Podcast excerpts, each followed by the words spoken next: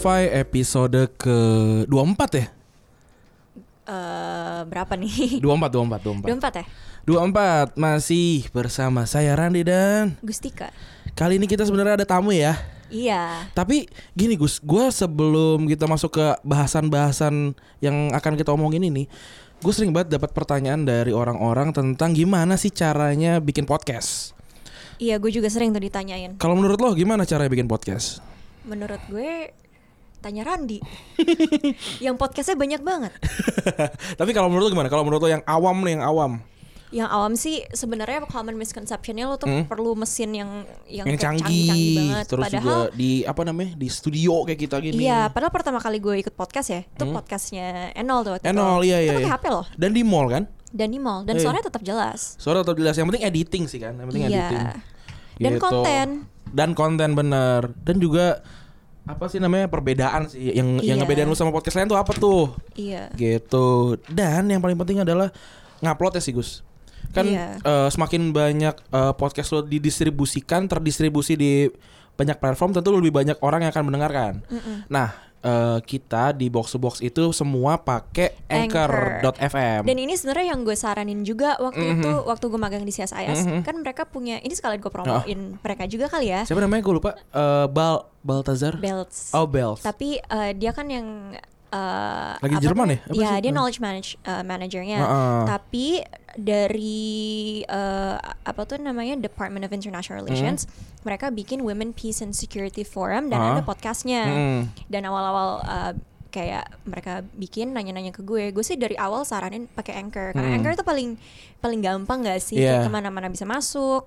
Terus akhirnya bisa saya juga pakai Anchor Dan juga dengerin si- ya ah. podcast mereka Women Peace and Security Forum. Dan juga si podcast ini kan di Indonesia kan paling mercu suaranya kan di Spotify. Betul. Dan Anchor ini punya Spotify. Jadi dengan sangat mudah juga lu bisa masuk ke Spotify. Karena dulu tuh susah tuh untuk masuk Spotify, tapi karena Anchor sudah diakuisisi sama Spotify, jadi lebih mudah gitu. Iya. Dan juga selain untuk Spotify juga banyak banget pl- platform lain yang ya name it lah semuanya bisa pakai Anchor itu didistribusikan.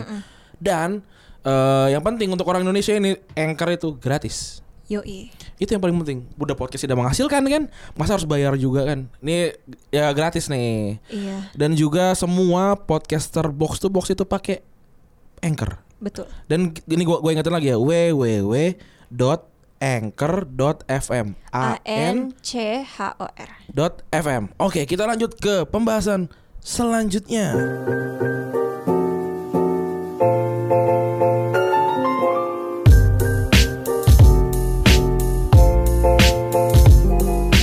Oke, kita kali ini sudah kedatangan tamu. Silakan perkenalkan diri Anda, tamu. Halo semua, Eh, kenalin nama gua Gian, Mm-mm. nama panjangnya Margianta Surahman Juhanda Dinata. Oke. Margianta SJD. Tapi Gua gue ket- sukanya Margianta SJW manggilnya. Iya, Gue ketemu pertama pertama kali sama lu berarti waktu pas di Women March ya.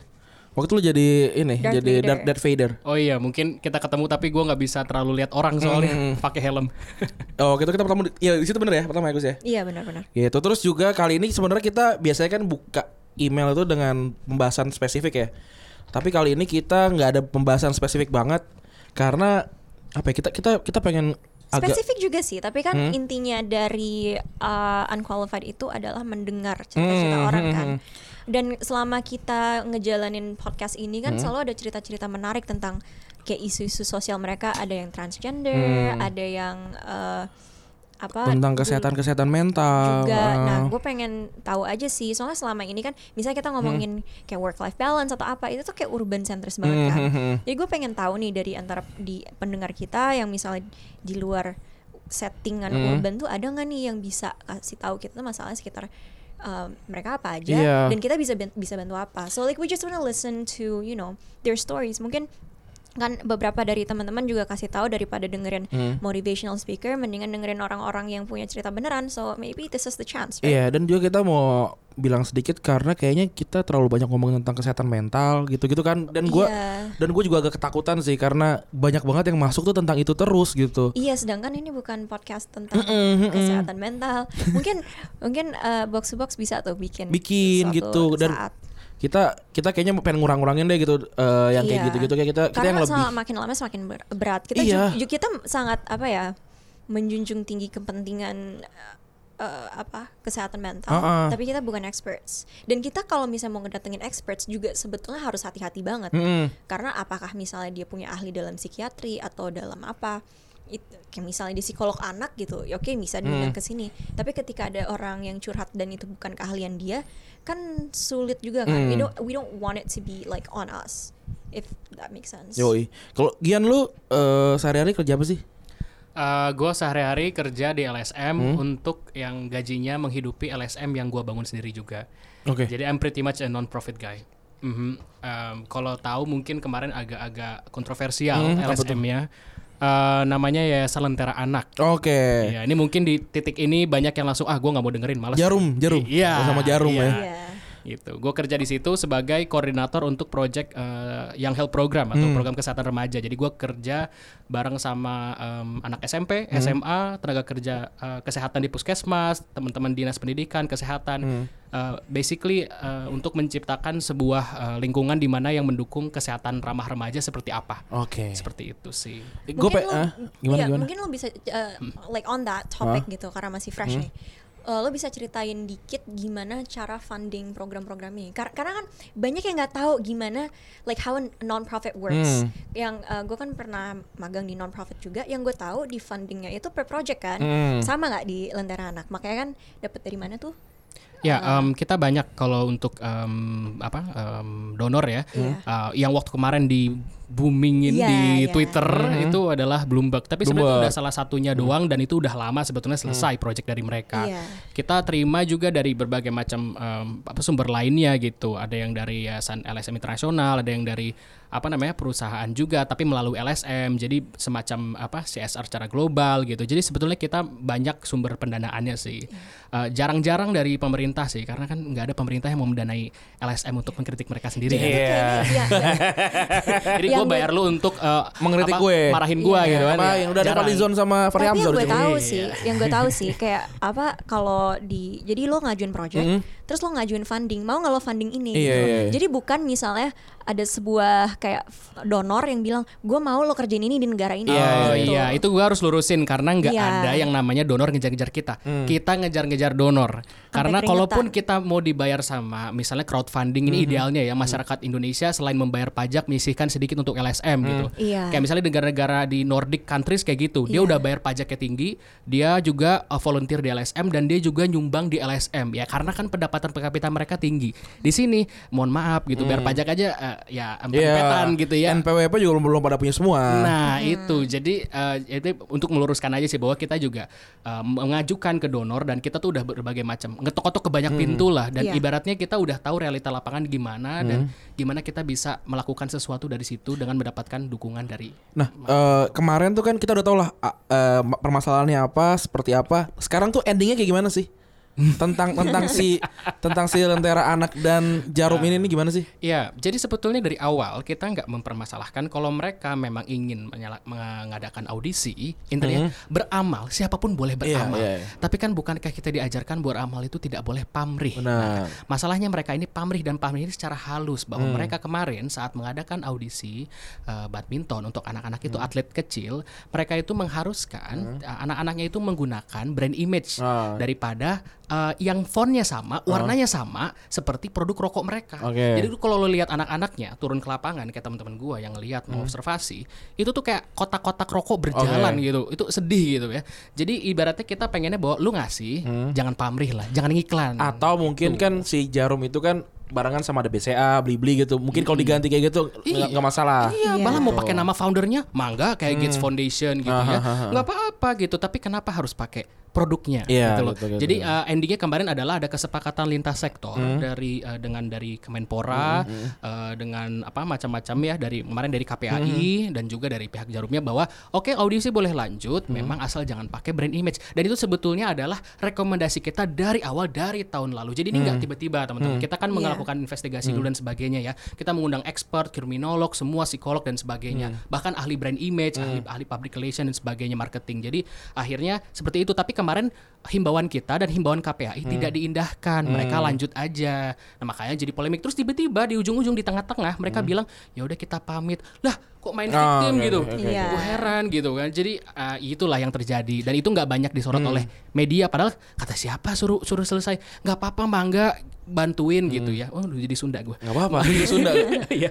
Orang Gitu. Sunda. Oh, mangga iya tuh. Nah, jadi asal jangan pamrih, jangan Ah. ngiklan lu. Lu ngiklan ngiklan nyumbang-nyumbang. Dan itu ada di gitu. undang-undang atau enggak tuh? Ya, boleh? kita mengacu ke PP 109 jelas-jelas ya dan Undang-Undang Perlindungan Anak bahwa definisi eksploitasi kan ada brand image, orang terus ada anak dan dipublikasikan. Nah, sebetulnya kalau brand image dihilangin aja, dia tidak memenuhi definisi eksploitasi Oke, sebetulnya. oke, oke. Dan orang-orang kan kalau mikir eksploitasi harus lu kerja di ladang, lu di ambil lu cambukin lah gitu kan. Baratnya atau enggak eksploitasi seksual, fisik padahal eksploitasi itu juga bisa ekonomi di mana lu diperalat untuk marketing atau Ini sesuatu. btw ngomongin eksploitasi, gue tadinya pengen ke Uniqlo jadi nggak jadi. Ah, oh iya. Eh, bisa sih nyambung. Oke, eh, enggak, enggak, maksud gue kan Uniqlo lagi lagi ada, lagi ada diskon nih. Hmm, eksploitasi juga cukup deh, nggak jadi deh. Oke nih, eh, kita kita mulai sebelum masuk email, gue pengen ngebahas tentang ini tweet gue tadi sebenarnya nih. Jadi gue nge-tweet eh, gini, anak orang miskin juga usaha sama kayak anak orang kaya. Cuma ya kalau ya- yang satu mulai dari angka 0, yang satu udah mulai dari angka 100. Terus pas si miskin ngeluh dila- dibilang kurang bersyukur sama yang kaya, ya kan apa namanya gitu. Rese gitu kan si orang kayanya. Nah, Enggak lo tadi nulisnya Kak Iya, yang nggak usah itu gua eh Kak Bintang. K K O B K O N bintang T O L gitu kan. Nah, gua tuh gua tuh sebenarnya lagi lagi lagi di dalam mobil eh karena tadi kan mau syuting tapi kan hujan tuh kan. Iya. Yang nge-tweet aja lah gitu ya. Gua kira nggak nggak rame ini ternyata 2800 retweet dan 3500 likes gitu. Sampai nge-delete app Twitter. Jadi kita berdua sekarang nggak punya app Twitter. Nggak, tapi sebenarnya gua nggak diserang, nggak diserang nggak di apa sih, tapi Iya, eh, tapi berisik aja kan. Berisik aja gitu. Distraksi aja kan. Iya, gue juga gue juga gitu. Makanya gue delete karena kan gue mau ujian waktu itu. Terus kayak it's such a distraction that I Iya. decided to just like delete the whole app. Nah si Gitu. gue tuh sebenarnya eh, mulai bikin ini karena eh, Putri Tanjung sih Putri Tanjung kan di cukup diserang lah sama orang kar- katanya oh dia dia privilege apa segala macam. Iya dia privilege. Tapi dia juga nggak pernah gangguin orang yang nggak privilege nggak sih? Dia, dia juga nggak pernah bilang kayak ah lu lu yang miskin nggak apa kerja kerjanya kurang kurang benar kerjanya kurang kurang giat bangunnya kurang pagi. Nggak juga gitu. Tapi si Putri Tanjung tuh selalu selalu dibilang lu tuh di situ gara-gara bapak lu segala macam. Padahal padahal setahu gue ya gue gue juga baru ketemu dia berapa kali dia tuh emang beneran beneran pekerja keras sih bener gak sih Iya, eh, kayak ethicsnya memang udah udah terbangun gitu. ya. Nyokap gue kan dulu di trans. iya eh, bener ya 10 tahun. Sejujurnya ya, gue kalau boleh ngomong jujur, gue gue nggak terlalu suka sama bagi apa se gimana ya istilahnya. Tapi kayak prinsip-prinsip kapitalisnya Pak Khairul Tanjung itu gue kurang setuju. Tapi you know, like dia mempekerjakan banyak orang, walaupun menurut gue seharusnya dia bisa jauh lebih baik gitu ya. Tapi ethicsnya memang it rubbed off on his kid Hmm. gitu. Ethicsnya bagus gitu. But yeah, I I wish that he would be better in paying their employees dan juga working hoursnya cukup parah sih. kita sering banget ya ngomongin tentang privilege gini ya Iya, Eh, karena kita berdua berprivilege sih. Iya, gue gua gua nggak bisa bilang ya nggak bisa bilang gue nggak privilege ya gue Randy kan anak orang kaya. Iya, bapak gue orang kaya. ya iya benar, tapi gue gue juga nggak pernah nggak pernah tadi nggak nggak pernah bilang kayak orang tuh miskin karena tidak berusaha nggak juga gitu. Kalau kalau menurut gimana Gian tentang privilege privilegean ini? Ini, lagi Ini- rame banget nih. topik yang sangat panas ya. Saya mengapresiasi eh, apa namanya unqualified untuk mengangkat ini. Iya deg-degan ya sebenarnya juga kita ngebahas gini-ginian ya. Yang ngebahas banyak. Iya betul. Eh, jadi gini, gue mikir sih sebetulnya yang de- perdebatan itu muncul karena saat di satu titik ada orang yang ibaratnya eh, mungkin secara nggak sengaja juga, nggak maksud juga, atau mungkin dia maksud secara kita kan nggak pernah tahu ya orang maksudnya apa. Tapi intinya menyamaratakan perjuangan orang yang starting pointnya beda. Iya. Jadi ada yang starting pointnya misalnya Dari dari, nol. uh, apa ekonomi yang menengah-menengah ke bawah, terus dia tinggal di daerah pesisir atau gimana gitu ya dan ekonominya apa uh, akses ke pendidikan juga sulit gitu. Dan disamaratakan perjuangannya um, apa dengan misalnya yang kayak tadi uh, Putri Tanjung atau yang lain yang ibaratnya memiliki memang memiliki apa privilege secara ekonomi gitu Iya. ya gitu. Tapi kan uh, apa ya? Dan ada satu sisi orang yang ingin me- me- apa mengakui ak- kompleksitas bahwa tidak bisa begitu aja gitu. Nah, Tapi yang orang nggak sadar juga bahwa memang banyak ya kita kan nggak bisa memilih ya kita lahir di mana. Iya. Betul. Gitu. Gue sih nggak bisa milih nama belakangnya Hatta kan? Dan ngomong-ngomong soal Hatta Hah? juga ya, Hatta tuh privilege loh. Iya ben- ben- bener banget. Dia tuh sekolah, jadi dia S- dia sekolah gitu, terus SMA juga udah ke Batavia. Hmm. Iya. Dia dikasih opsi apakah mau ke Arab atau, Atau mau ke ke, Belanda. Belanda. Akhirnya ke ke Belanda karena waktu ditawarin ke Arab dia masih terlalu muda. Dia sekolah di Belanda, sempet dapet beasiswa di tengah-tengah gitu, di pokoknya keluarganya yang bayarin. Tapi dia kembali ke Indonesia eh, untuk memperjuangkan kemerdekaan gitu Iya. yang sebenarnya prinsipnya udah lahir dari ketika dia kecil dia Har- lihat ketidakadilan Harusnya di- kalau di kalau dia mau hidup dia. hidup enak temenan sama Belanda aja. iya, Iya kan? memang memang Jadi kaya deh. Iya kan daripada harus repot-repot dikejar-kejar sana sini. kayak si Minke ya waktu itu ya Iya, mingke. tapi kan akhirnya nggak nggak gitu kayak akhirnya ya complicated sih Gua nggak nonton jadi gitu. roaming nih. Enggak, lu apa Nggak, baca buku baca sih Ah, belum baca bukunya Ah, juga. bukunya bukunya menang- menyenangkan sekali. gue sangat tidak suka filmnya Eh, gue juga gue juga gak suka. Bukunya menyenangkan. ya Bukunya gue baca tapi gue baca waktu itu kayak gue masih belum belum kayak sekarang sih gue baca SMP atau SMA kelas 1 gitu. tapi filmnya ya kalau di bukunya tuh Minke tuh kayak playboy banget Hmm. tapi kalau di filmnya kayak bucin gitu makanya gue sebel itu Berarti lebih suka yang Playboy. ya gue lebih kayak lebih menggambarkan saat itu gitu tau nggak? Gimana lo punya privilege nih? It's it's sort of, it sort of reminded me waktu gue tuh sekolah di sekolah internasional Gian. Jadi eh, kayak gue ini temenan sama orang-orang asing terus gue punya satu teman yang gue pernah sebut yang namanya Renata yang selalu kayak yang rese lah ya. yang rese dulu yang dulu nggak gitu. Terus ya dia selalu nempel sama gue terus teman-teman itu yang jadi kayak wah gitu. Nah kalau misalnya gue Minke nih gue yang kayak pasti udah tebar pesona ke mana-mana gitu loh. Karena kayak Hmm. wah keren banget ya si Minke itu tuh yang kayak gue dapetin dari bukunya tapi sama sekali nggak dari filmnya. Nggak digambarkan di filmnya. dan itu sebenarnya kayak menurut gue missing link dari kayak menggambarkan bukan menggambarkan tapi kayak menyambungkan privilege zaman dulu dan zaman sekarang tuh kayak patternnya tuh yang sama tuh di mana gitu loh. Kayak yeah like he should have been illustrated as a playboy in the films as Gus, well lu lebih suka Nyai Ontosoro atau Mingkenya? di film ya Enggak di buku. ah Gue lebih suka Nyai Ontosoro sih entah kenapa. Dia dia dia, menye- dia seru aja gitu. iya sih Iya ya? beda sih menurut gue Hmm. kayak ya Nyai Ontosoro tuh she's very wise Heeh.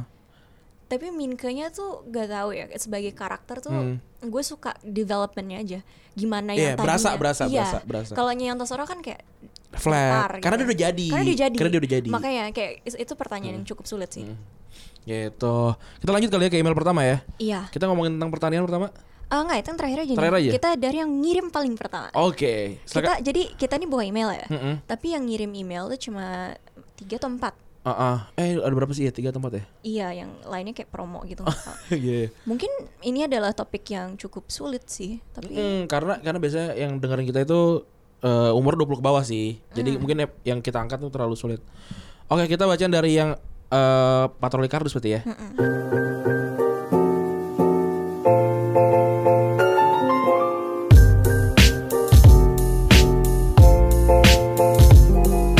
Hai Kak Gusika dan Bang Randi, maaf pakai akun anonim. Oh nggak apa-apa berarti nggak usah dikat. oh iya.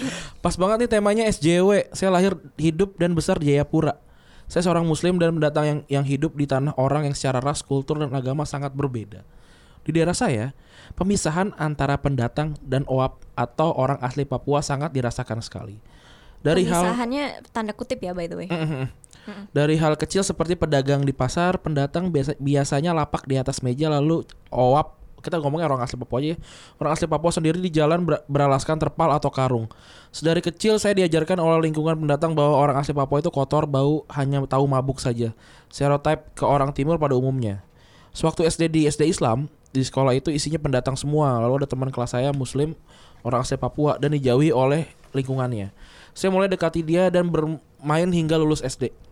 Lalu aku mulai masuk ke SMP negeri. Perbedaannya terasa ketika kelas yang isinya orang asli Papua dipisah dengan pendatang seperti kelas B kebanyakan orang asli Papua, lalu kelas C kebanyakan pendatang. Lalu di SMA lebih terasa lagi perbedaannya. Di kelasku orang asli Papua hanya 8 dari 34 siswa. Orang asli Papua yang berada di kelasku sebagian golo- sebagian golongan menengah ke bawah. Ke sekolah saja harus berjalan kaki selama satu setengah jam. Biasanya ku beri tumpangan pulang atau pergi ketika berpapasan saat yang lain tidak mau memberikan mereka tumpangan. Pergaulan pun orang asli Papua semakin terpinggirkan dan akhirnya terkotak-kotak antar antar lingkungan orang orang asli Papua dan pendatang di sekolah. Lalu, pembangunan rumah ibadah sendiri di rumah saya khususnya pembangunan di masjid di sini dihentikan dulu karena menimbulkan kecemburuan dari umat Nasrani. Sempat dihentikan dulu pembangunan Masjid Agung dan menara dipangkas ketinggiannya karena menu- menunggu gereja di depannya selesai dibangun. Menurutku wajar karena masjidnya terlalu mencolok dari luar yang memakai empat menara besar. Saya sempat mengkritik empat menara masjid itu mewahnya eksterior masjid yang membuat kesannya ria. Tanda kutip. Menurutku jangan pakai menara dan eksterior jangan mencolok mata karena ketika kelontarkan kritikan itu justru ditanggapi oleh pengurus masjid seperti itu saya sep- se- seperti saya musuh agama. Halo, mana lagi masih ada ya? Paling bawah. Lalu Kak ketika Lalu kan ketika posisi saya berbeda dari pendatang yang lain, justru saya dianggap berbeda dan oleh mereka padahal yang saya lakukan atas nama manusia yang tidak mereka lakukan. Oke, terima kasih Patroli. Kardus. Gua nggak, gua nggak tahu ya, gua, gua sama sekali cukup buta gue sama Papua sebenarnya. Gua, gua kira kalau di Papua ya orang Papua, ya, ya dia dia memiliki tanahnya, tanahnya dia sendiri gitu. Ya ini eh, rumah dia, ya gue yang jadi jadi tuan rumah. Ternyata enggak ya. Gua- Papua tuh berwarna banget sih. Mhm. Ini juga kita nggak tahu Papua yang Papuanya Papua mana ya? Jayapura. Oh ini Jayapura ya Jayapura. tadi? Oke oke oke. oke. Dan by the way, Oh iya eh, bener, Jayapura. Gian tuh ibunya antropolog Hmm. yang sempat riset di Papua atau masih riset di Papua? Uh, fokusnya ke Papua Ah. memang dan sampai Iya. sekarang menjalin banyak hubungan sama uh, teman-teman di Papua juga. Iya dan uh, setuju sama Gustika memang di uh, Papua itu sangat dinamis ya. Iya. Tapi di sini yang sebetulnya yang kita dapatkan adalah gambaran dari Papua di uh, yang lumayan urban sebetulnya. Iya, Segini betul. Jayapura dan teman-teman bisa uh, yang dengerin podcast ini bisa bayangin kalau itu kita pind- uh, geser sedikit misalnya ke Lembah Palim, ke Bintuni, ke mana ke Fakfak atau ke yang lain-lain gitu. lagi. Itu lebih beda lagi. Udah belang banget ya. Udah beda-beda banget gitu dan Kalau di Papua yang urban tuh bubble tea juga ada kok. Tapi orang iya boba tuh ada. Tapi Hmm. Oke. kayak orang tuh ngebayanginnya wah nggak ada apa-apa, sinyal nggak ada. Yang Ah. kayak kayaknya Iya. terbelakang banget gitu. Tapi Betul. nggak it's not necessary like that kayak kota-kota di Indonesia lainnya yang memang tidak se developed di apa namanya di Jakarta atau Surabaya atau gimana tapi ya bubble tea ada terus restoran yang gimana tuh Hmm, ada iya. jadi dan ya. dan sebetulnya kalau bicara masalah tadi kepemilikan tanah apa Hmm. emang agak sedih juga sih kalau dengar cerita bahwa banyak juga teman-teman misalnya masyarakat adat juga yang uh, agak kesulitan untuk di sana memiliki uh, lahannya sendiri atau misalnya bercocok tanam sendiri dan sebagainya gitu. Dan Tanah adat ya. Apa sih namanya? Hutan adat ya sih namanya kalau ada gitu? hutan adat juga ya? yang Iya. kemarin uh, sempat ramai juga kan Iya, ada iya, iya, iya. um, apa namanya yang waktu itu teman-teman Watchdog bikin Ah, dokumenter kalau teman-teman mau denger eh mau nonton ada tuh yang tentang sawit juga kan Iya. yang pada ditebangin jadi Iya. sawit waktu dulu ada namanya Merauke uh, Integrated Food and Energy Estate atau MIFE Ah. itu sempat jadi masalah juga sebenarnya dari zaman SBY sampai sekarang gitu jadi ibaratnya teman-teman Papua ini dibak, di, uh, keba- banyak dipaksa untuk menerima hal yang sebetulnya mereka nggak nggak asli dari mereka gitu Iya. iya. Iya. dan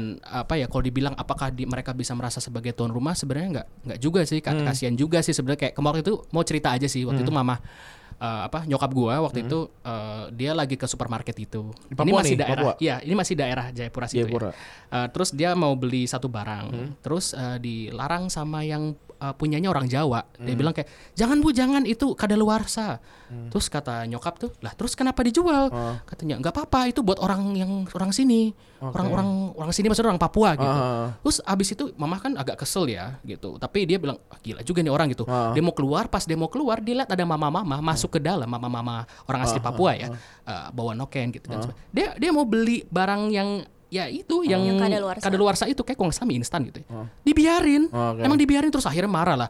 Dan mama kebetulan nyokap kan bisa bahasa lokal situ kan. ngomong lah bu ibu mama jangan bla bla bla bla gitu. Jadi wow gitu. Kayak Iya. dengar cerita itu kayak rasisme tuh masih ada di Indonesia. Terus kayak gini, em, ini gue mau cerita juga sih pengalaman gue itu gue ke ke Manokwari sama KSP sama Kak Billy Membrasar yang baru dilantik jadi eh, apa staf sus. Em, di, di- eh, staf sus presiden. Ah. Congratulations Kak Billy if you're listening. Em, jadi gue ke sana sama dia kita ada FGD. Lalu yang nge-lead FGD itu bikin Kak Billy marah banget karena ya ini stereotip yang disebut sama patroli Dipisahin gitu ya? Bukan. Apa tuh? Sedari kecil saya diajarkan oleh lingkungan pendatang bahwa OAP itu, itu kotor, bau, hanya tahu mabuk saja, stereotip ke orang ke orang timur pada umumnya. Ah. Jadi memang ada stereotip itu yang in the back of their heads gitu loh, eh, like yang nge-lead FGD-nya ini. Hmm. Dan FGD kan by the way harusnya kan yang banyak bicara kan yang di apa yang ikut diskusi bukan Iya. yang ngelit kan lalu Kak Billy marah banget kami ini tumbuh di gereja karena waktu zaman dulu mereka tuh belajar tuh masih pakai lampu apa sih yang Petromak. Iya, Petromax segala macam. Terus apa sampai pokoknya harus banget belajar. Dan guru-guru yang ada kan waktu itu nggak terlalu baik gitu sejamannya dia masih Hmm. kalau ya berapa sih mungkin 20 tahun yang lalu ya sekarang. Kak Billy kan umur 32 ya. Dan ya mereka tuh dibantu sama gereja banget gitu. Oh. Dan te- tentu bertolak belakang dong dengan kayak gimana orang Papua tuh cuma minum-minum dan dan apa kayak quote unquote gue Hmm. gak suka istilah ini sih free sex doang kayak pandangan orang Indonesia apa or- or- orang-orang yang ya beberapa memiliki pandangan terhadap orang Jakarta yang kayaknya wah bebas banget nggak punya nggak punya kendali.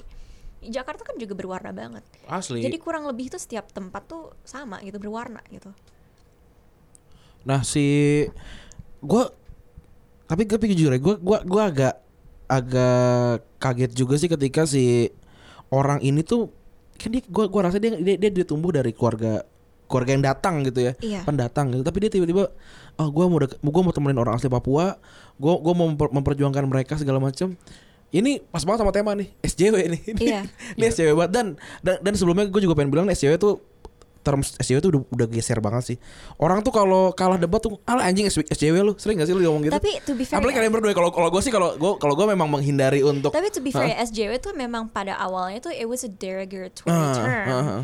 Yang di ya lo tuh social justice warrior. Yeah. Jadi warrior itu dalam arti kayak kalau misalnya lo human rights defender, Hmm. you're a defender gitu. Kalau warrior tuh kayak Yang ibaratnya nyerang. huha gitu Oh, loh, iya, yang iya. kayak kayak nggak ada adab, cuma yang kayak cuma nyerang-nyerang doang. Iya, iya, iya. Tapi kalau di Indonesia konotasinya berbeda. Yang gue gue menerima itu kan di tiap daerah ya, konotasi beda-beda. Kalau bahasa Spanyol aja sedotan ada 10 10 biji. Kalau misal lo salah ngomong aja bisa artinya titit. oh ya Iya. saudara saudara gitu Iya kayak misalnya popote tuh di mana Oh. artinya tai gede, Oh, iya, iya, bisa iya. sedotan juga gitu. Nah S lu lu bermasalah gak sih dipanggil SJW? Kalau gue sih nggak pernah dipanggil SJW ya, Hmm. karena karena gue gue gue gue jarang banget untuk untuk membicarakan hal tersebut di sosmed gue karena sosmed gue isinya ya cuma lucu-lucuan gitu. Kalau kalau lu berdua bermasalah gak sih dibilang ah lu SJW lo gitu?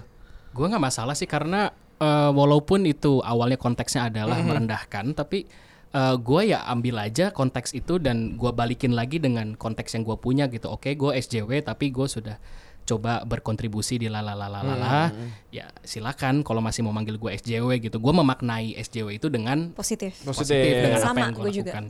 Dan apa ya kita, I don't know, mungkin nggak selalu update kita lagi ngapain aja sih, Hmm. gitu loh. Iya, yang yang nongol di Twitter kebetulan pas lagi ribut-ributnya, pas lagi adem-ademnya nggak nggak diupdate Enggak lah. soalnya kan kayak waktu itu ada yang nanya lo tuh ngapain sih di dunia bukan ke gue ya, Nah. tapi uh, Ke kolega misal- sama SJW. eh, enggak kayak Baga tuh di dunia nyata tuh nggak pernah ngapa-ngapain tapi dia eh, kayak nyindir dia kayak ini kalau yang buat yang Ah, nanya ah, gue ngapain aja di dunia nyata terus dia main drum gitu kocak banget Eh, Sama mungkin gue mau uh, masuk juga ya kayak kita kan lagi ngomongin privilege juga Ah, tadi ya. ah, ah. Kadang atau dan kompleksitas isu daripada privilege itu sendiri gitu bahwa ada faktor sistemik bahwa secara uh, misalnya kayak secara kebijakan ada kesenjangan sosial, akses pendidikan dan sebagainya yang kayak makin kayak makin makin miskin dan sebagainya. Tapi sebetulnya kadang ini terminologi SJW ini tuh digunakan untuk mengadering atau meng- mengklasifikasikan Iya, sekelompok iya, iya. orang Benar, benar, benar. yang sekelompok orang ini sebetulnya ingin mengakui kompleksitas itu bahwa isu-isu tertentu itu nggak simple as black and white kayak yaudah Iya. kalau Iya. nggak kalau nggak lu nggak sama kita lu lawan kita gitu lu Iya.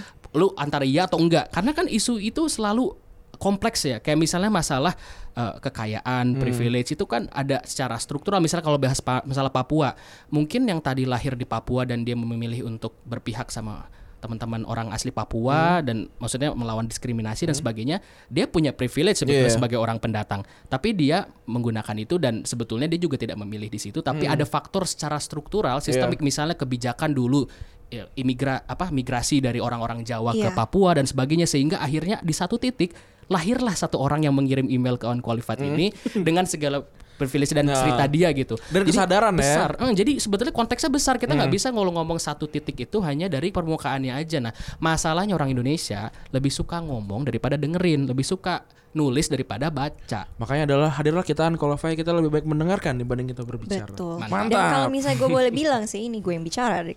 Tapi patroli kardus kalau gue boleh bilang kurang lebih sama loh prinsipnya sama Bung Hatta. Hmm. Dia punya privilege, dia memilih untuk berpihak sama yang tidak memiliki privilege Quote yang, and quote ditindas. yang ditindas betul.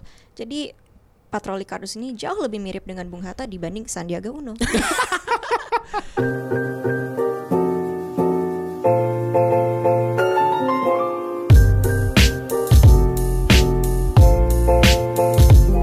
Oke gue lanjut ya. Dan di dalamnya ada eksploitasi seks komersial anak itu. Orang jarang peduli bang soal eksplo- soal eksploitasi seks komersial anak ini. Orang masih banyak nggak ngeh bahwa puncak kasus kekerasan pada anak itu ada di eksploitasi seks komersial anak ini. Walaupun korbannya kebanyakan anak, anak perempuan tapi nggak jarang juga anak laki-laki. Walau dikit, gue harap bisa ngebuka mata banyak orang bahwa ketika eksploitasi seks komersial anak itu terjadi bukan kesalahan si anak karena di masyarakat yang masih dianggap salah adalah si anak. Gitu. Oh, oh dia berulang. Oke, gitu. Hmm.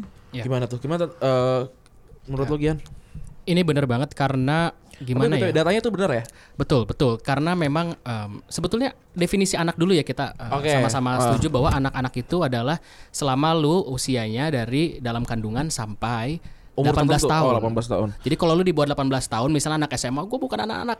Lu masih di bawah 18 tahun, lu masih anak-anak secara uh, Hukum. Bahkan Iya. itu yang disetujui secara universal. Kita nggak ada persetujuan tentang umur anak muda, remaja, kaum muda tuh beda-beda definisinya. Bahkan Iya. di Indonesia kalau remaja tuh Karang Taruna sampai umur 40-an. Hmm. Jadi lu masih bisa bawa lu remaja Iya. umur 40 Soalnya kalau muda iya. tuh kan ter- terdefinisi kayak lu kalau jadi menteri umur 40 ya muda.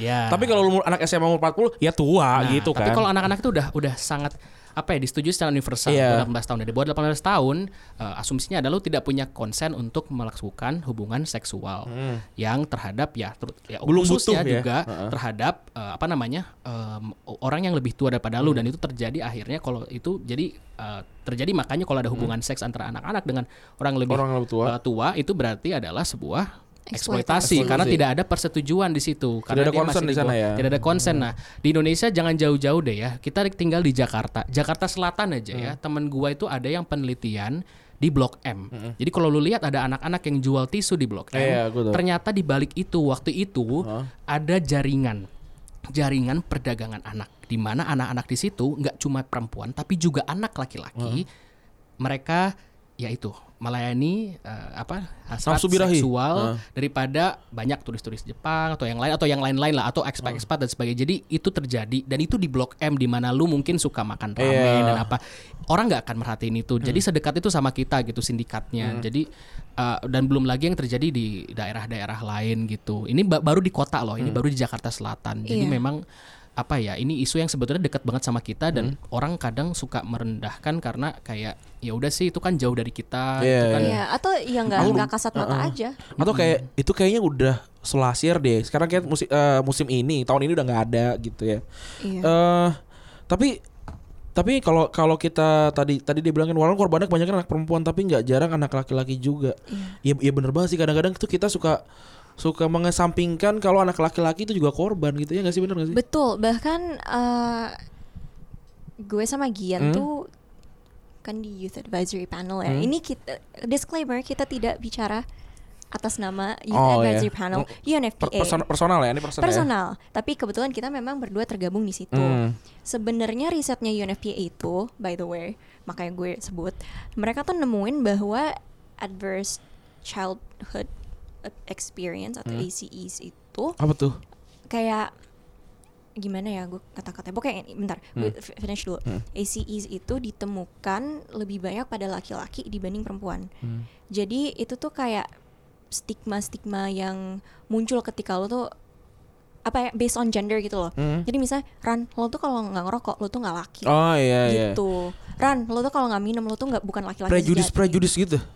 In a way tapi lebih kayak apa ya mempressure anak-anak laki untuk Harus kayak gitu. Laki tuh nggak boleh nangis. Iya, jadi in some ways ya. Ini Ah. gue bukannya mau mem- mau pembenaran gimana. In Hmm. some ways, I do blame these stereotype, not Hmm. stereotypes, cuma kayak I do blame these these pressures yang kayak laki tuh harus gini gini gini dan apa ya? Kenapa mereka tuh kenapa banyak sexual harassment Iya, sekarang iya. tuh karena dari kecil mereka tuh di pressure untuk kayak lo tuh harus nunjukin bahwa lo laki gitu. Kalau laki melambai gitu nggak boleh. Iya kayak gitu. laki main masak-masakan nggak boleh gitu. Iya, bener, Iya, bener, jadi laki-laki tuh juga terpengaruh banget. Dan selain itu ya kalau uh, soal apa perdagangan anak, anak, Heeh. prostitusi anak dan lain-lain, angka dari prostitusi dan perdagangan anak dan pernikahan anak tuh naik jauh ketika ada bencana alam. Hmm, By the way, menarik. iya, karena kayak lo bayangin, ini gue ada di tatak gue sih. Ngulang. Em, tapi lo bayangin kayak misalnya lo tuh dari keluarga yang eh, ekonomi eh, Rendah. rendah terus kayak lo kehilangan rumah segala macam ya lo jual aja anak lo gitu Oke. itu satu problem gitu atau lo nikahin aja anak lo kayak itu tanggung jawab orang lain sekarang itu kan masih kayak gitu Ya sama mungkin gue nambahin juga karena ngomongin gender ini juga penting untuk anak-anak mencegah dirinya dieksploitasi secara seksual. Salah satu upaya kita sebetulnya orang terdekat adalah memberikan pendidikan seksual yang komprehensif. Jadi gimana sih uh, lu tuh punya otonomi atas badan lu? Apa sih Iya. sentuhan yang baik dan tidak baik? Ada lagunya di YouTube lu bisa nyanyi. Lain kali mungkin di podcast lain. sentuhan baik, ada. sentuhan tidak baik, Oh, pokoknya ada lah iya, gitu. iya, iya. Jadi soalnya gue ini kerjaan gue sehari-hari, gue ngajarin anak SMP, SMA masalah ini dan juga di UNFPA juga kita bahas masalah isu ini juga iya bahwa penting banget bagi lu untuk tahu gitu, terutama saat lu masih kecil, saat lu masih butuh perlindungan ibaratnya dari orang-orang sekitar lu. Jadi sebetulnya dan ini jadi uh, kalau masalah pendidikan seksual komprehensif berarti kita bahas apa dong? Oh bahas juga masalah sekolah. Oh bahas Iya. juga masalah puskesmas gimana bisa mengundang nih orang tua orang tuanya untuk tahu ngasih tahu ke anak-anaknya kasih sosialisasi tentang pendidikan seksual komprehensif. Oh ini masalah tentang uh, lain-lainnya. Jadi sebenarnya ini masalahnya besar dan kompleks kan. Nah, tapi kadang ada orang aja langsung bilang, "Wah, SJW liberal, kalian ini ngajarin anak kecil mau pada ngesek gitu nah ya." itu dia Nah, pendidikan Iya. seksual itu bukan mengajarkan bagaimana cara berhubungan seksual. Seksual itu adalah jenis kela- eh, kelamin lo gitu. Jadi gimana caranya lo ngebersihin kelamin, terus bagaimana cara memperlakukan tuh si kelamin itu. Ini- yang bagian dari ini juga tuh kayak menstrual hygiene by the way kayak Iya. kalau lagi mens gitu-gitu saya kalau lo salah-salah aja ini bahkan kasusnya di Amerika kalau nggak salah Hmm. dia tuh salah pakai tampon atau gimana terus dia tuh dapat static shock terus dia lumpuh, dia lumpuh Hmm. karena kan biasa tampon itu bisa kayak ada chemicals ada, Iya, ada iya, iya. kimianya Ha, ha. yang yang bikin darahnya beku kan, bi- biar nggak mun- nyebar. nggak tahu sih gue gue nggak nggak nggak Uh-huh. inget ya karena jujur gue baca itu udah lama dan Uh. kasusnya udah cukup lama tapi ya bayang bayangin aja sih kalau itu tuh terjadi Hmm. like it's it's kind of scary Padahal itu seharusnya ya Dan- receh gitu, iya, apa dan namanya hari-hari gitu dan ya. komprehensif itu tuh eh, apa pendidikan seksualitas Dan- yang komprehensif Hmm. itu yang kayak Gian bilang ngajarin otonomi Iya. gitu itu akan pada akhirnya ngajarin konsen juga gitu loh yang Kemarin- mana hak Iya. masing-masing ya Oh, gue gak bisa megang ini, Iya, gue iya, bisa iya. megang itu, gue gak boleh pegang ini, gue gak boleh Iya, gitu. gitu. Gue baru ingat ada cerita, ada kasus mungkin bisa di googling juga serem banget sih. Jadi kayak ada anak perempuan, pokoknya dia itu Indonesia nih Indonesia. Indonesia. Oke. Dia di warnet ya. Dia Oke. di warnet dan dia akhirnya di situ dia di, di dipaksa lah bersetubuh diperkosa ya. Heeh. Dan habis itu dia ya hamil kan. Terus ditanya kok bisa kamu kamu pernah nggak berhubungan seks Ah. gitu sama siapa? Terus dia bilang nggak pernah gitu. Tapi akhirnya diusut dia pernah di situ sama orang yang lebih tua daripada dia dan dia pun nggak kenal. Tapi dia mikirnya oh saya kira kan kalau berhubungan seks itu harus di kamar, harus di tempat Oh. tidur dan harus buka baju. Kemarin itu saya nggak tahu kalau itu Ah, itu udah hubungan seks. hubungan seks. Ngomong-ngomong, ini random aja sih. Mungkin lo bisa pikir oh liberal, nah nah nah nah whatever. Tapi nyokap gue cerita waktu dia kuliah atau SMA gitu dia punya temen atau gue lupa itu anak dari temennya orang tuanya dia or whatever. But intinya ada satu orang yang eh, lap- hamil 8 bulan tapi nggak ketahuan karena dia pakai baju longgar-longgar Hmm. Iya, terus. iya. But get this, bapaknya itu dokter kandungan, ibunya bidan.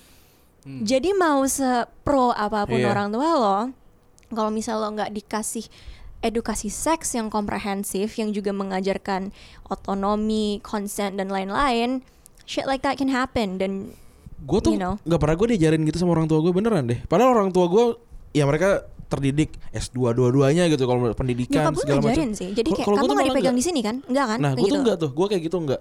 Dan gue sekolah Islam semua, eh, sekolah swasta, ya tentu saja lebih mahal daripada sekolah, sekolah negeri. Nggak diajarin juga gitu. Padahal gue apa namanya maksudnya gue juga nggak gue gue kelahiran 92 gitu. Eh, kalau kuliah 2010 nggak nggak tua tua banget gitu.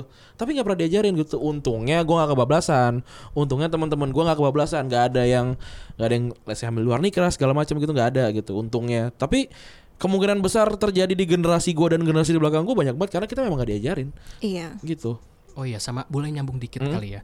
Masih jama SJW dan kesehatan reproduksi. Kemarin kan mungkin pada rame-rame ya ngelihat eh, teman-teman mahasiswa juga baru apa turun ke jalan dan ada tujuh tuntutan reformasi di korupsi.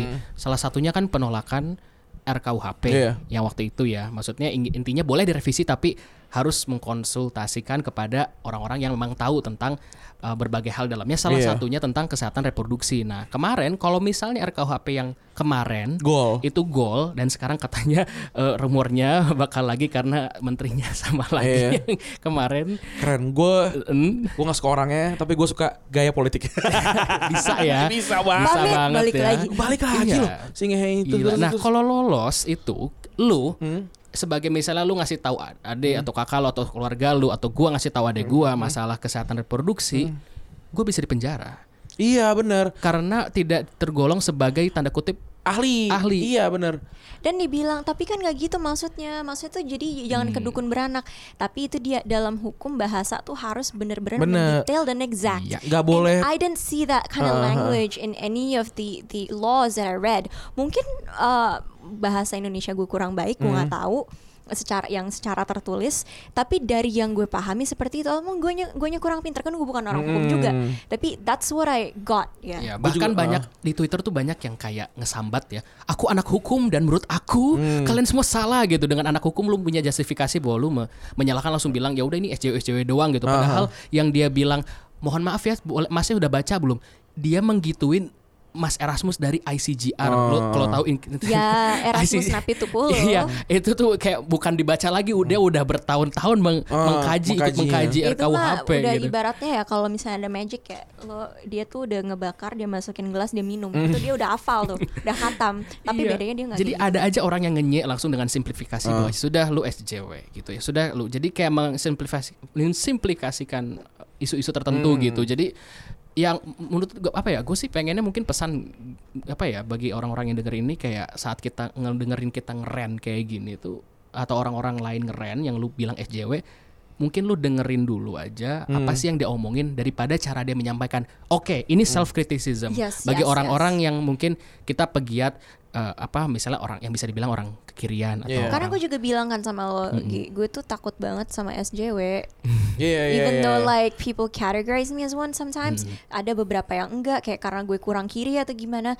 tapi like gue juga nggak suka ditarik-tarik sama label jadi gue ya whatever Iya. gitu lagi spektrum nol Tapi kadang kiri serem. kanan kiri kanan tuh lu akan lihat gusika kiri karena lu udah di tengah tapi kalau orang yang kiri banget gusika ya dia di kanan Iya. iya kan iya itu Oke. itu kan tentang sumbu aja. Iya dan itu yang kadang bikin gue deg-degan aja sih. Satu sisi kita bisa dibilang anda liberal di hari yang sama bilang komunis kamu bisa sosialis ya gitu. Orang-orang bisa bisa bisa aja sih itu. Kalau ada quotes itu orang yang paling progresif adalah orang yang paling konservatif saat revolusinya selesai. eh iya bener bener bener.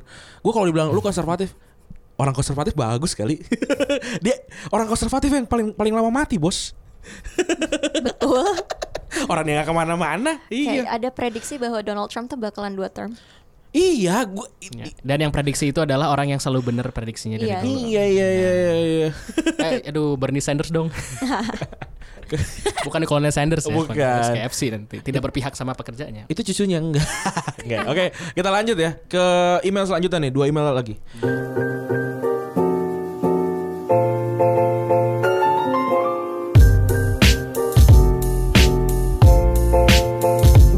Eh, judulnya isu-isu sosial di lingkungan kita. Halo Bang Rani dan Kak Gustika, perkenalkan nama gue E, pekerja 22 tahun.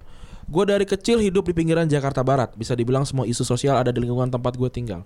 Mulai dari anak putus sekolah, kurangnya akses kesehatan, pernikahan anak, rap culture dan masih banyak lagi. Hal-hal yang tadi gue sebutin deket banget sama hidup gue sedari gue kecil. Ini kayaknya gue bakalan cerita aja sih. Tapi boleh lah sekalian kasih pendapat kalian berdua. Di antara banyak temen gue yang gue main waktu kecil usia SD SMP, cuma dua yang bisa selesai studi sampai S1. Lima orang sampai SMA SMK, sisanya putus sekolah waktu SMP sampai SMA. banyak banget hal yang bikin mereka putus sekolah dari nggak ada biaya sampai emang nggak punya motivasi lagi buat belajar. Oh iya waktu kuliah dulu gue sering bikin kelas belajar gratis di rumah dan ada satu anak kecil yang sampai bilang gini ke gue, Mas ngapain sih kuliah? Emangnya nggak capek? Mending ikut bapak aku aja kerja di proyek sehari dapat uang 100 ribu daripada kuliah malah keluarin malah ngeluarin uang. Padahal waktu se- seusia mereka gue nggak punya cita- cita-cita. Setiap tahun ajaran baru selalu ada aja tetangga yang ke rumah gue untuk minta tolong daftar online. Bahkan tahun ini gue sampai harus cuti kerja untuk datang ke dinas pendidikan ngurus berkas anaknya tetangga gue yang ketika anaknya nggak bisa daftar sekolah di usia 7 tahun plus. Bapak cuma bilang ya udah tahun depan juga masih bisa, nggak sekolah juga nggak apa-apa, yang penting bisa cari duit. Wow banget bukan? Nggak cuma putus sekolah, bahkan beberapa orang yang gue kenal waktu kecil ada yang udah pernah ataupun lagi di penjara. Kasusnya macam-macam, mulai dari pengeroyokan, pencurian, narkoba, pembunuhan, dan bahkan hal sepele kayak nonjok polisi. Wah gila, Di tanda kutip tapi tanda kutip tapi ini nonjok polisi hal, hal sepele, goks. Bahkan gue sering banget lihat anak bahkan karena di tanda kutip Hmm? sorry motong atau bahkan karena di tanda kutip ini kayaknya bukan. dituduh gitu. Itu- oh bisa iya jadi. bisa jadi. Bahkan gue sering banget lihat anak sekolah SD SMP mereka udah ngerokok mabok bahkan ngobat. Mereka bisa dapat akses dengan mudah ke barang-barang kayak gitu. Parahnya lagi beberapa dari mereka bisa seenaknya ngerokok di depan rumah sendiri. Anak SD loh. Anak SD dia ngulang gitu. Kadang gue bisa geleng-geleng doang lihat kondisi kayak gini ngebilangin juga percuma kayaknya. Orang tua mereka juga udah melumrahkan hal kayak gitu. Pernikahan usia anak hampir setiap tahun gue selalu melihat anak-anak lingkungan gue lingkungan rumah gue nikah di usia yang harusnya belum waktunya buat menikah Walaupun sebagian besar karena mereka emang yang pengen nikah, hampir semuanya married by accident. Bukan karena dipaksa orang tua, bahkan ada temen kecil gue yang usia di bawah gue mungkin 20 atau bahkan 19. Anaknya udah tiga. wow Pernah anaknya yang kecil sakit sampai nggak bisa bawa ke klinik atau bahkan puskesmas karena mereka nggak punya BPJS dan mungkin nggak mampu bayar BPJS. Dia ngechat gue di Facebook untuk pinjam uang 30 ribu buat bawa anaknya ke klinik. Nangis gue juga waktu dia cerita sampai sa- gue sampai minta tolong Pak RT rumah gue buat buatin BPJS yang gratis. Ternyata kakak kakak mereka alamatnya bukan pakai alamat RT gue. Oh iya ada beberapa hal yang gue nggak suka banget sama lingkungan rumah gue. Sa- salah satunya budaya catcalling dan panas-panasan sesama tetangga. Setahun belakangan gue, aduh mata gue sakit. Gue gue coba aktif berbaur sama orang di sekitar rumah dengan harapan bisa kasih informasi lebih ke mereka tapi gue nggak tahu model komunikasi kayak apa yang bisa gue pakai untuk menyampaikan ke sok tauan gue ke mereka. Oke ada apakah masukan? ada masukan? Gian mungkin. Ada masukan nggak gimana cara? Ini Jakarta Barat coy. iya. Deket banget ini. tapi kadang memang apa ya sulit ya. Kalau Gian kan Hmm. emang grassroots kan dalam arti dia ke sekolah-sekolah gitu. Kalau misalnya gue nyampein takutnya gue menggurui karena gue nggak pernah yang sampai masuk banget gitu loh Gue dan Asumsi punya program ini kan. eh apa namanya? Eh, Aduh sakit. Eh apa namanya? Punya program namanya distrik. Nah, gue tuh datang ke eh apa sih namanya itu? Wait namanya eh apa sih? Manggarai. Bukan Manggarai ada lagi. Tambora, Tambora. Tambora Tambora tuh bukan kayak Jakarta, cuy. Itu apa ya? Ini ini kita duduk di tempat yang kecil banget nih dan eh tempat yang kayak gini tuh bisa diisi sama 10 orang. Ini paling tiga kali tiga dan tuh isinya 10 orang, cuy. Gila gila gila segila gilanya gitu. Dan itu Jakarta kayak nih gua gua ngeliat ini lagi nih tempat tuh tuh lebih gila lagi sih gua rasa ini ngerokok di depan SD. Gua gua gak, gua gak ngerti lagi sih. Tahu kan mata gua sakit banget. Ya, eh, biasanya memang kalau pemukiman saling berdekatan itu itu lebih rentan untuk tingkat kriminalitas eh, yang lebih padat ya gitu. Dan sebetulnya bukan salah merekanya ini Mm. lagi-lagi memang masalah eh, apa struktural ya gitu bahwa ya sekali lagi kalau kita bilang tadi tidak semua kita eh, bisa memilih lahir, ada yang lahir di kaya. Nah, ini lahir di kebetulan daerah situ kan. Dan Yeah. biasanya jadi ada ada ada circle of poverty. Jadi kayak cycle of poverty. Jadi kayak siklus Kakek lu kemiskinan. miskin, ya lu miskin, bapak Iya, lu miskin. Dan ini gitu. ada riset terbaru Hmm. juga dari Semeru Institute yang membuktikan bahwa anak yang lahir dari keluarga miskin. the one research Hmm. they actually did good in Mhm. cause like yeah Lanjut. sorry gue gue agak nyinyir Aha. amat Hmm. kesel gue Lanjut. nanti gue cerita off air Oke. oh iya. Iya, jadi eh, apa ada ber- ber- Hmm. apa ya? Ada kemungkinan lah untuk bisa eh, apa namanya? eh, jatuh lagi ke Hmm. kemiskinan. Dan ini memang apa ya? Sebetulnya kita agak berefleksi juga ya. Tadi katanya dia cerita Hmm. bahwa temannya nggak punya akses ke BPJS Hmm. gitu. Sementara sekarang semua orang diwajibkan untuk bayar BPJS, malah naik lagi. Iya iya iya. BPJS-nya. Jadi sebetulnya ini Iya Jokowi. ya sebenarnya ini salahnya di di mana sih? Kita Ah. tahu kita defisit gitu, tapi bukankah kita lebih bisa men- mencegah Iya. penyakit yang membuat itu lebih mahal misalnya. Kalau tadi bilang anak-anak kecil udah bisa beli rokok, mungkin duit yang buat rokoknya mungkin rokoknya terlalu murah Hmm. Iya. gimana gitu. Terus eh, apa dan apa namanya akses ke pendidikan juga. Anak-anak itu kok ngapain kayak Hmm. gitu? Bukannya mereka harusnya sekolah. Nah berarti akses pendidikannya belum dapat juga. Jadi kayak Hmm. sebetulnya ada banyak aspek sih daripada eh, apa namanya semua ini yang dia lihat sebagai maksudnya ada tingkat kriminalitas apa itu tuh sebetulnya impact hasilnya bukan sumber masalah. Sementara kadang kita melihat itu sebagai sumber masalah. Nih kriminalnya tinggi sih maka harus di ini nih anak-anaknya harus di, Mm-mm. di- dis- disiplinkan nih. Gimana nih? Militer. Penjara. Iya, padahal mereka korban dari situasi yang Iya, iya. struktural gitu dari korban kebijakan yang, yang tidak apa ya salah sasaran dan tidak tepat pada waktu tidak tepat pada sasaran iya. gitu. kayak itu kan di film Parasite gimana mereka tuh lahir di ke- di dalam ke sebuah miskin Hmm. kemiskinan terus tiba-tiba mereka jadi kriminal kan Iya, tapi yang gua temukan ketika gua ketika gua ke Manggarai dan gua ke Tambora itu adalah mereka itu kalau kan kita kita mungkin dengan sangat mudah bilang ya kalau lu tahu kayak gitu ya lu pindah lah dari dari tempat itulah itu tempat tuh nggak layak untuk hidup lah segala macam. Yang gue temukan adalah mereka tuh sangat bahagia ada di situ. iya Gue ya gue miskin, tapi gue hidup gitu. Tapi gue apa namanya gue gue gue menjalani hidup gue dengan dengan yang menurut mereka menyenangkan segala macam. Kiri kanannya mereka mereka nggak punya spiteng cuy. Jadi kalau kalau boker ke ke got aja gitu dan kalau kalau itu banjir si kotorannya naik ke mereka lagi dan itu kena penyakit. Tapi kalau mereka bilang mau pindah nggak? Kenapa gue harus pindah? Ini kan rumah gue gitu. Dan dan mereka oke sama itu gitu. Kayak gue nggak sekolah nggak apa-apa. Toh teman-teman gue sekitar gue juga nggak sekolah gitu. Jadi kalau buat gue memang masalah masalahnya tuh bukan cuma tentang kemiskinannya itu ya tapi tentang gimana gimana si si mental mentalnya tuh memang memang memang udah kayak gitu tadi kayak lu bilang. Kakeknya di situ bapaknya di situ. Terus dia lihat kakek kakek gue bisa kok lah. punya rumah. Bapak gue bisa kok bikin gue sampai SMP terus kenapa gue harus keluar gitu? Toh juga tetangga gue kayak gini semua. Dia pas dia keluar tuh yang salah orang luar nih bukan bukan bukan bukan orang-orang sini gitu sih kalau kalau yang gue lihat dari dari dari yang, yang gue liput gitu. Tapi kalau dari Gian sendiri model komunikasi kayak apa yang bisa eh, orang ini gunakan itu menyampaikan ke teman-temannya Ya. iya gitu karena mungkin ini apa ya dia mungkin nggak akan bisa merubah strukturnya sendiri susah tapi seenggaknya mungkin bisa memberi informasi soal apa ya I don't know Hmm. Ya. sex ed in a Ya. way yang kayak nikah nikah muda tentang eh, itu kan berhubungan dengan ekonomi juga kan Mm. Sebetulnya bisa ya kalau masalah eh, meningkatkan awareness, sosialisasi, misalnya me- mencari LSM LSM Hmm. yang bisa karena LSM lebih ke- kerja lebih cepat daripada pemerintah. Iya. Langsung turun ke lapangan terus ngasih sosialisasi yang dibutuhkan, masalah pendidikan seks, masalah literasi finansial, masalah atau ngasih akses pendidikan yang mereka butuhkan, tapi sebetulnya itu tidak akan bertahan lama tidak akan bertahan lama kalau solusinya tidak berbasiskan pajak. Maksudnya berbasiskan pajak adalah punya budget di pemerintah. I see. pemerintah yang bertanggung jawab langsung. Jadi sebetulnya do- kalau mau jangka panjang adalah gimana temennya itu yang yang, yang ngirim email Mhm. ini itu ngajak teman-temannya juga untuk menyuarakan pendapatnya, berserikat, berkumpul.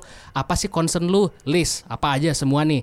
Terus kira-kira gimana nih kita bikin apa? Kalau bikin petisi doang nggak? Ini kayaknya kita harus membuktikan kita bikin pilot project, misalnya kolaborasi sama LSM apa untuk misalnya nih kita buktiin bahwa kita bisa sustain sendiri dan akan lebih baik kalau pemerintah juga turut dukung kita di sini. Itu yang gua udah lihat banyak juga di banyak daerah yang gua kerja di daerah Cibinong di Kabupaten Bogor. Masyarakatnya sendiri yang membangun sampai akhirnya pemerintah misalnya ada BNN melihat ada program eh, desa desa gagak apa desa elang gitu di Cibinong.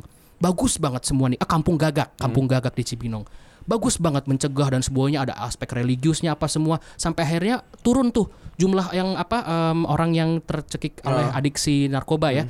Terus akhirnya dijadiin program nasional sama pemerintah, sama BNN. Nah, kadang emang harus kita dulu yang mulai. Iya. Tapi memang kalau mau berkelanjutan harus eh, apa namanya berdasarkan sama pemerintah sih. Dan dan sebetulnya gua agak cerita sedikit juga ada sedih juga yang Hmm. mereka teman-teman yang nggak nggak nggak berhasil. Kayak misalnya teman-teman di Kampung Duri. Eh di Bukit Duri. Bukit Duri. Bukit Duri. Mereka itu sudah membuat eh, ekosistem kehidupan di lingkungan itu yang sebenarnya berkelanjutan.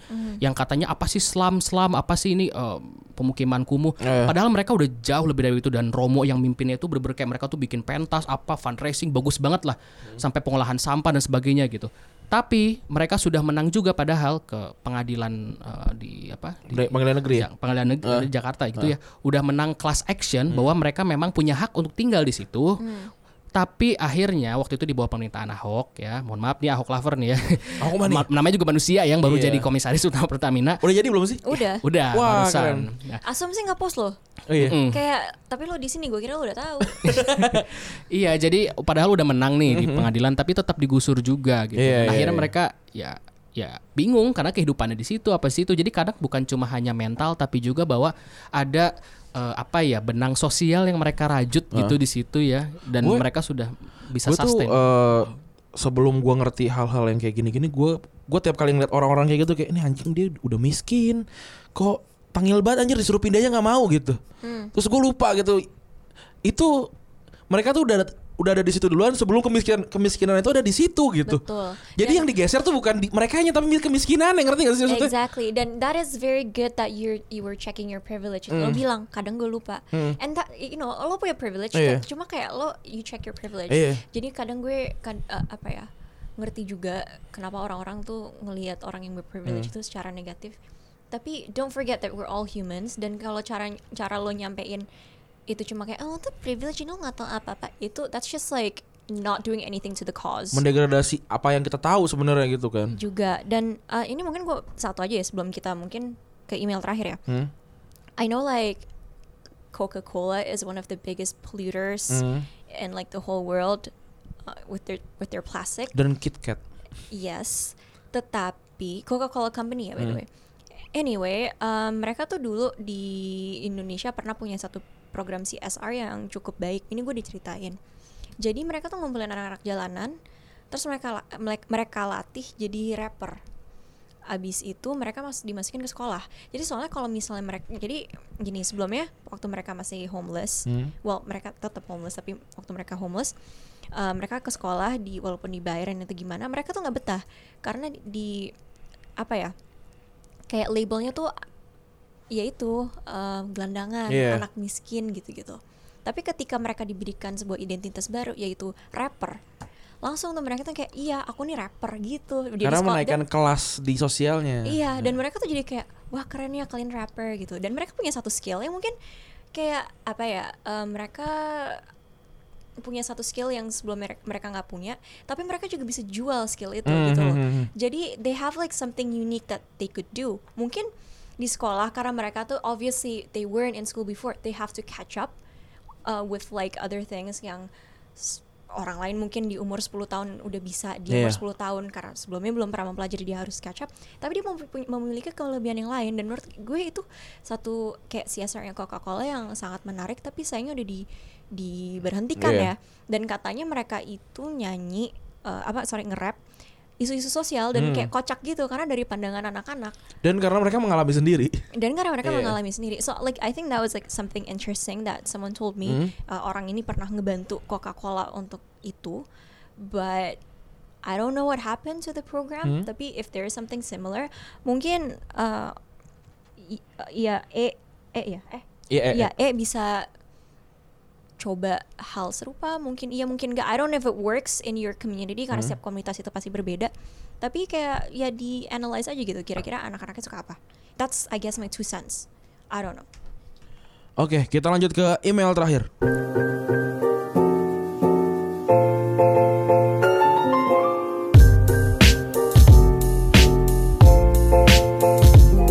Hai Randi dan Gusika perkenalkan aku bisa dipanggil N kayaknya ini emang ya udah nama umum lah Kali ini ingin berbagi cerita isu sosial perihal pertanian. Thank you in advance kalau cerita ini akhirnya dibacakan Love You Both. Aku sering terganggu dengan pernyataan publik yang bersedih karena generasi muda sudah tidak mau menjadi petani. Pernah baca YouTube comment section yang menyayangkan lemahnya regenerasi petani. Beberapa hari kemarin, di Twitter juga mencuat isu serupa. Didominasi analisis mengapa kok anak petani tidak mau jadi petani karena disekolahkan tinggi dan memilih kerja layak di kota. It irks me because why does it seem like urban people expecting the generation of rural folks to be as they used to be. Dalam kurung, as a farmer slash breeder, for the sake of the greater good TM, aka ketahanan pangan negeri ini. Hey, those folks have the right to make their life better. Anak muda di desa juga berhak memperbaiki nasibnya loh, setidaknya memperbaiki nasib secara finansial. Ya, memang anak-anak muda di desa ini memilih kerja kantoran karena itu cara yang paling dekat untuk mengentaskan keluarga mereka dari garis kemiskinan. Karena lebih banyak petani yang sifatnya adalah buruh harian lepas, bukan petani yang punya lahan luas. Banyak dari tetanggaku petani yang sekarang sudah mulai melek pendidikan. Anak-anaknya disekolahkan secara baik biar nanti dapat kerja yang baik juga. Anak-anak yang akhirnya dapat kerjaan baik ini memang bisa meningkatkan kualitas kehidupan orang tuanya yang buruh tani dan aku bahagia turut berbahagia untuk tetangga-tetanggaku. Bayangin, mereka berjuang untuk kehidupan yang lebih baik ternyata sama netizen dikomenin duh anak sekarang ya nggak ada yang mau jadi petani padahal petani pekerjaan mulia kicau mereka via gadget yang mungkin pakai wifi kantor kencang ber AC inilah salah satu sa inilah saatnya melemparkan meme oke okay, boomer Nah, apa yang bisa kita lakukan? Mungkin di sini butuh pengertian. Kenapa krisis regenerasi petani ini sampai bisa terjadi? Agar tidak sekadar menyudutkan anak muda dalam kurung, khususnya anak muda di desa. Pertama, bisa jadi lemahnya regenerasi petani ini karena memang tidak dibarengi dengan peningkatan kesejahteraan petani. Kedua, bertani itu tidaklah gampang. Musim kete musim ketersediaan air, biaya perawatan, macul sawah, membubuti suket, distribution chain, supply demand, fluktuasi harga, dipangan codot dalam kurung dimakan hama, di, dicolong tonggo dalam kurung hasil di, hasil panen dicuri tetangga, subsidi sampai harganya nombok petani ada pula yang dikriminal, krimin, dikriminalisasi. Pusing memang.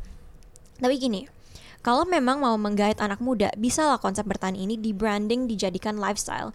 Ingat kan bagaimana kepedulian meminimalisasi sampah plastik muncul karena ada urgensi lingkungan dan ajakan untuk menjadikan habit. Lalu muncullah lifestyle membawa tumbler serta sedotan SJW sendiri. Sama halnya dengan tren thrift shop atau tren yang lain-lain. Jika bertani di branding dijadikan lifestyle, bisa jadi minat anak muda untuk bertani akan meningkat. Apalagi kan banyak cara tuh bertani bunga, bertani dengan konsep ekowisata, bertani dengan greenhouse yang bersih, bertani dengan cerdik, yang bisa nyari pasar di kalangan elit. Banyak cara, banyak peran juga. Gak harus yang macul dalam kurung mencangkul atau bubut dalam kurung menyiangi gitu bisa kerja kolaboratif, jadi penanam modal, distributor, penyedia pasar, ngembangin aplikasi dalam kurung eh, aplikasi slash web jual beli komoditas pertanian untuk memotong rantai distribusi dan sebagainya dan sebagainya. Apa pun itu, saya tetap berharap yang terbaik untuk kesehatan dan kesejahteraan petani di lingkungan rumah dan negeri ini. Cheers to penyangga tatanan negara Indonesia. Gue mungkin terdengar sangat bitter, tapi gue sangat nggak suka sama hal-hal yang berbau lifestyle gitu loh itu itu tuh cuma beneran kayak lu lu lu uh, apa namanya makan cake dan itu tuh cuma apa namanya frosting doang ngerti nggak? Jadi tapi dalamnya nggak lu benerin gitu. Sekarang siapa mau jadi petani? Gue sih gue bapak gue petani nih. Terus gue dapat kesempatan untuk kuliah S1 S2 gue gak akan jadi petani lagi. Ngapain? Gue liat bapak gue susah banget sekolahin gue dan itu wajar. Dan itu bukan bukan salahnya anak-anak petani itu nggak mau jadi petani ini gitu yang dibilang dia kan? iya gitu hmm. uh, dan sekarang gue ngerti kenapa anak IPB masuk bank semua iya karena siapa yang mau jadi petani dan uh, swasembada pangan buat gue tuh kayak uh, wah terdengar keren dulu kan segala macam itu mah gara-gara dipaksa kali kalau kalau mereka nggak dipaksa juga nggak akan ada yang mau jadi petani gitu itu juga petani kalau misalkan ditawarin jadi ojek online mereka akan milih jadi ojek online ngomong-ngomong Gian tadi belum cerita ya huh? bahwa sal eh, jadi kan dia di anak huh? Oh, dia kerja di situ untuk menghidupi LSM-nya dia yang satu huh? lagi huh? LSM dia yang satu lagi kerja di perbudakan Perbud emang perbudakan masih ada ya? Ya, perbudakan modern namanya uh. organisasinya Emancipate Indonesia. Uh -huh. uh, jadi sekarang malah kalau lu nanya ini menarik sih lu nanya perbudakan masih hmm. ada apa enggak? Sebetulnya sekarang kita ada sekitar 40 juta orang diperbudak di seluruh dunia. Oke. Okay. Dan sebetulnya 71% di antaranya perempuan. Jadi kita juga tadi ngomongin gender ada gender. hubungannya juga sama uh. perempuan. Uh, dan di antara itu semua jenis perbudakan ada juga yang namanya forced labor atau pekerja paksa yeah. atau yang mendekati perbudakan adalah kondisi kerja yang tidak baik. Nah, salah satunya adalah yang dialami oleh para nah, petani teman-teman para petani uh. ini gitu di mana yang tadi dibilang swasembada pangan dipaksa betul ya dipaksa itu kan force ya Di force. gitu ya gitu. itu nggak beda sama kultur stelsel iya kita malah belajar yang tidak baik gitu ya. iya ya. gitu iya nah itu uh, sebenarnya dialami oleh teman-teman petani sebenarnya kasihan ya kalau hmm. ngomongin ya sebetulnya gue pengen clear dulu bahwa tadi kan di emailnya soalnya kayak uh, mereka mencari kehidupan yang lebih baik mm -mm. anak-anaknya jadi seolah-olah ada pekerjaan yang lebih baik dan tidak baik dan mm -mm. di situ dalam di situ dikotominya berarti yang tidak baik adalah pekerjaan eh, ta- Peta- buruh tani. petani gitu. Karena nggak keren. Iya, nggak Karena keren. Kayak yang dimaksud tapi finansial. Finansial, Nah, baru mau Iya. financial Makanya, wise gitu ya. Tapi dia bisa berasumsi seperti itu pengirim ini N ini karena juga dia melihat oh tidak baik itu dalam artian berarti dia mengartikan secara Hmm. materialistis bahwa secara finansial dia tidak bisa sustain sebagai Iya. petani banyakan juga buruh tani atau petani gurem dia kerja itu bukan di ladangnya sendiri bahkan tapi Iya. ladang orang lain gitu Iya. nah ini juga ber- berkaitan sama aspek lain yaitu Hmm. misalnya privatisasi lahan banyak orang yang beli lahan tapi nggak kerja duit diem Hmm. akhirnya orang lain yang kerja sampai apa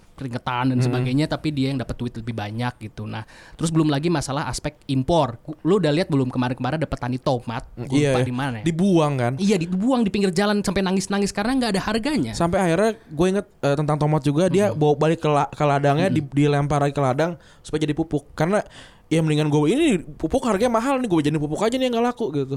Iya. Ya, Gue bahkan nggak uh, tahu soal yang tomat itu. Mungkin It- karena gue nggak I'm off social media, I'm studying. T- Jadi gue it- itu cukup cukup rame ya Rame. be- beberapa kalau minggu. gue lihat gue nangis deh. Dan itu karena gue lagi sensitif. Dan itu ter, ini. iya terjadi setiap tahun Iya. dan, dan dan belum lagi tadi ada perubahan iklim apa jadi memang butuh apa ya eh, sebetulnya teman-teman petani itu sudah melaksanakan Iya. sebisa mereka mereka juga bahkan berserikat serikat petani terus kadang juga sering demo dan bahkan Tapi dikriminalisasi apakah didengar? nah itu urusan lain. malah iya kemarin ada aktivis yang belain petani apa malah dikriminalisasi juga Hmm. Iya. dan terkena kasus gitu jadi sebetulnya ini sangat kompleks ya jadi sebetulnya orang-orang gue bisa mengerti bahwa orang-orang pas denger tani itu kayak Ih, gila udah kriminalisasi duitnya Hmm. Iya. dikit siapa yang mau di iya. sana gitu tapi ya balik lagi sebetulnya ya it's as simple as ya it matters gitu Ah. bahwa e- every job is equally respectable gitu sebuah pekerjaan dan Iya, dan, dan Heeh. kalau kita lihat di Eropa ya, Hmm. petani-petani itu kaya loh. Katanya kita negara agraria. Eh itu dia. Itu sebenarnya yang- itu yang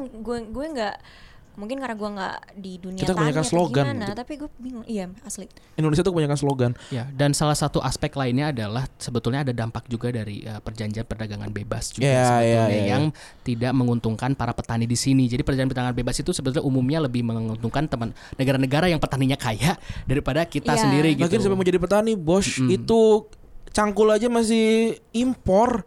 Gila lu, kita kan negara agraria masih impor cangkul menurut gua aneh banget. Tapi juga ini ya, gua gue setuju sih. Tadi kan gue bilang eh, lifestyle itu cuma frostingan di di di cake lu doang. Tapi gini, kopi juga dulu nggak nggak segininya kan. Tapi sekarang lu lu ke Cipete itu isinya kopi semua kan. Dan dan nggak bisa nggak menutup kemungkinan bisa jadi nanti eh, apa namanya fresh market di mana-mana ada gitu. Dan juga eh, kita bisa beli eh apa namanya sayur-sayuran yang yang fresh itu langsung pakai aplikasi dan dari petani gitu. Kalau kalau sekarang bilang, "Hah, nggak mungkin lah." Ya dulu juga Gojek nggak mungkin kali. Ya kan, dia dulu juga pakai Traveloka nggak mungkin kali. Ya bisa aja gitu. Dan ya ini sih tugas tugasnya kita-kita ini. Mungkin kita nggak jadi petani, tapi ya Iya. mungkin kita bikin para petani itu udah oh Oh, yang yang urusan-urusannya kayak gitu biar anak-anak aja deh.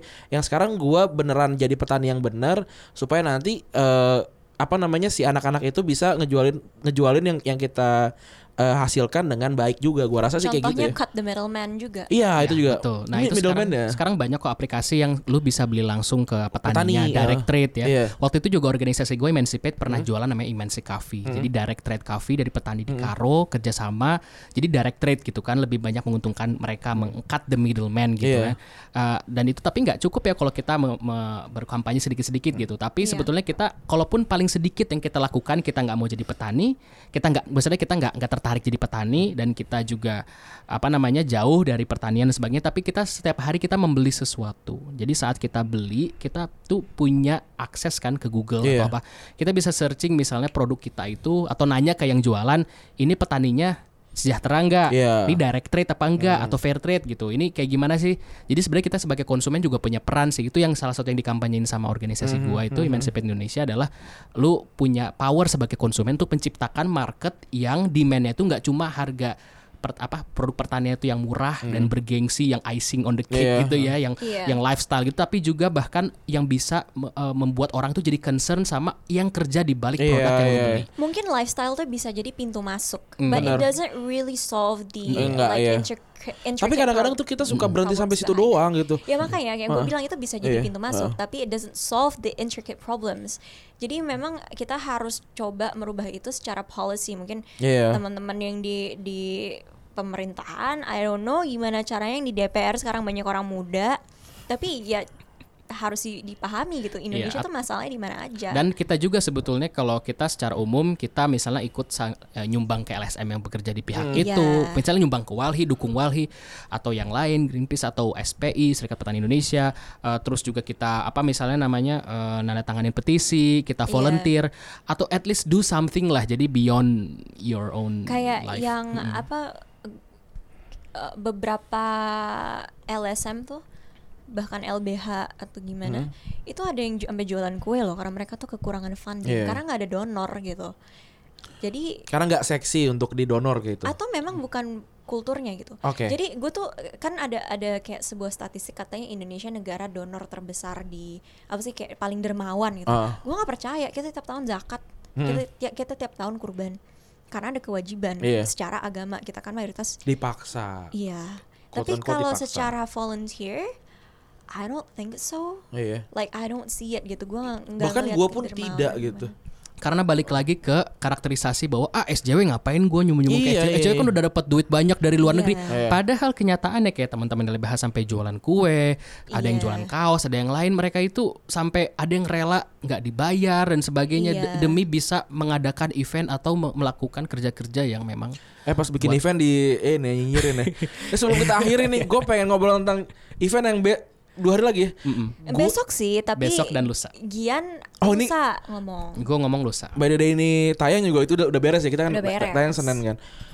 Kenapa sih itu tiba-tiba gue gue gue kan eh, punya program di asumsi yang isinya gue tuh harus nge- ngecek deh semua yang ada di sosmed kan. Gue nggak dapet tuh itu sampai akhirnya Gustika cerita ke gue tentang eh, feminis festival gitu. Terus gue menanya kenapa feminis harus ada festivalnya? gue bahkan kayak nanya gitu kan. Terus gue cari-cari tuh sampai gue menemukan eh, satu thread dari Mita Tweet ya. Bener ya? Itu bikin rame kenapa kenapa harus kenapa sih harus berbayar? Kena- Kenapa inklusif? Kan Balisa bukan yang nulis soal itu ya? Iya, tapi kan itu setelah kita diskusi itu kan. Oh gitu. Iya, itu setelah kita diskusi. Gua gua nggak pasti dia juga ngecek kan. Oh, iya. Eh, terus itu, itu kenapa sih? Apa itu fe- feminist fest? Terus kenapa tiba-tiba jadi rame rame gara-gara itu? Gue agak nggak enak soalnya gue bukan panitia ya Hmm, kalau gue ini udah beres sekarang Tapi ini gue jelaskan yang gue tahu dan kebetulan gue juga bagian dari Feminist Festival sebagai pembicara, Pembicara. di hari Minggu nanti. Uh, jadi sebetulnya itu kan acara tiap dua tahun sekali ya. Oh, nggak nggak nggak nggak cuma sekarang dong, berarti udah udah sebelumnya udah ya? Dua, ya sebelumnya tahun 2017 gitu. Jadi uh, diadakan dua tahun sekali. Ibaratnya ini sebetulnya bukan selebrasi ya, tapi lebih ke kayak bagaimana kita datang sih satu tempat kita itu tempat itu menjadi safe space bagi kita untuk saling bertukar pikiran tentang feminisme, kesetaraan gender, uh, teman-teman yang minoritas seksual, uh, seksualitas, identitas gender, pokoknya semua terkait feminisme lah ya. Nah, jadi uh, apa ya? uh, kemarin sih yang gue lihat ya, gue kan pengamat, maksudnya gue melihat bahwa uh, itu awalnya kan dari uh, apa Mbak Mita ya sebetulnya gue juga saling follow sih sama dia gitu jadi gue baca juga bahwa ya apa ada kok ini kenapa tidak eh, kenapa be- tidak gratis berbayar dan kalaupun itu dia mempertanyakan sebetulnya transparansi dari teman-teman Feminist Festival Dipakai uangnya untuk apa? uangnya untuk apa dan sebagainya gitu. Nah sebetulnya semua itu yang sebetulnya menurut gua Hmm. bisa saja dikomunikasikan secara personal dalam internal ibaratnya quote unquote aliansi nanya temen teman-teman gerakan. Ah, Kalau memang ada yang nggak clear, Ah. silakan dikomunikasikan gitu. Eh, apa ya? Jadi bukan modelnya call out gitu loh, gitu. Jadi karena kita itu orang-orang yang tanda kutip progresif atau kiri itu sudah memiliki kekur sudah menjadi minoritas tersendiri lah gitu. Ibaratnya jadi ibaratnya kalau kita aksi Women's March itu nggak sebanyak 212 gitu. Iya. kita udah secara jumlah masih sedikit dan masih malu-malu kan untuk mengeluarkan bahwa kita pro kesetaraan gender, feminisme dan sebagainya gitu. Alangkah baiknya demi kebaikan aliansi gitu kan bergerakan kita memberikan konstruk apa ya engagement yang secara konstruktif gitu. Yeah. Nah, tapi yang kemarin terjadi kan kemarin agak di call out secara publik sehingga akhirnya makin panas dan dan memang biasa di media sosial kan mungkin orang cara baca dan cara persepsikannya agak beda. Orang lu lagi nge-tweet itu lu lagi mumet pikiran lu kemarin juga ada ada Kate di situ ada yang lain juga pokoknya kayak apa ya balasnya itu mungkin nggak memuaskan bagi pihak satunya akhirnya jadi makin panas dan sebagainya terus ke drag ke mana-mana orang kanan sama libertarian pada ketawa-ketawa aja ngeliatin kita gitu kan. Makanya Tange nge-tweet itu ya.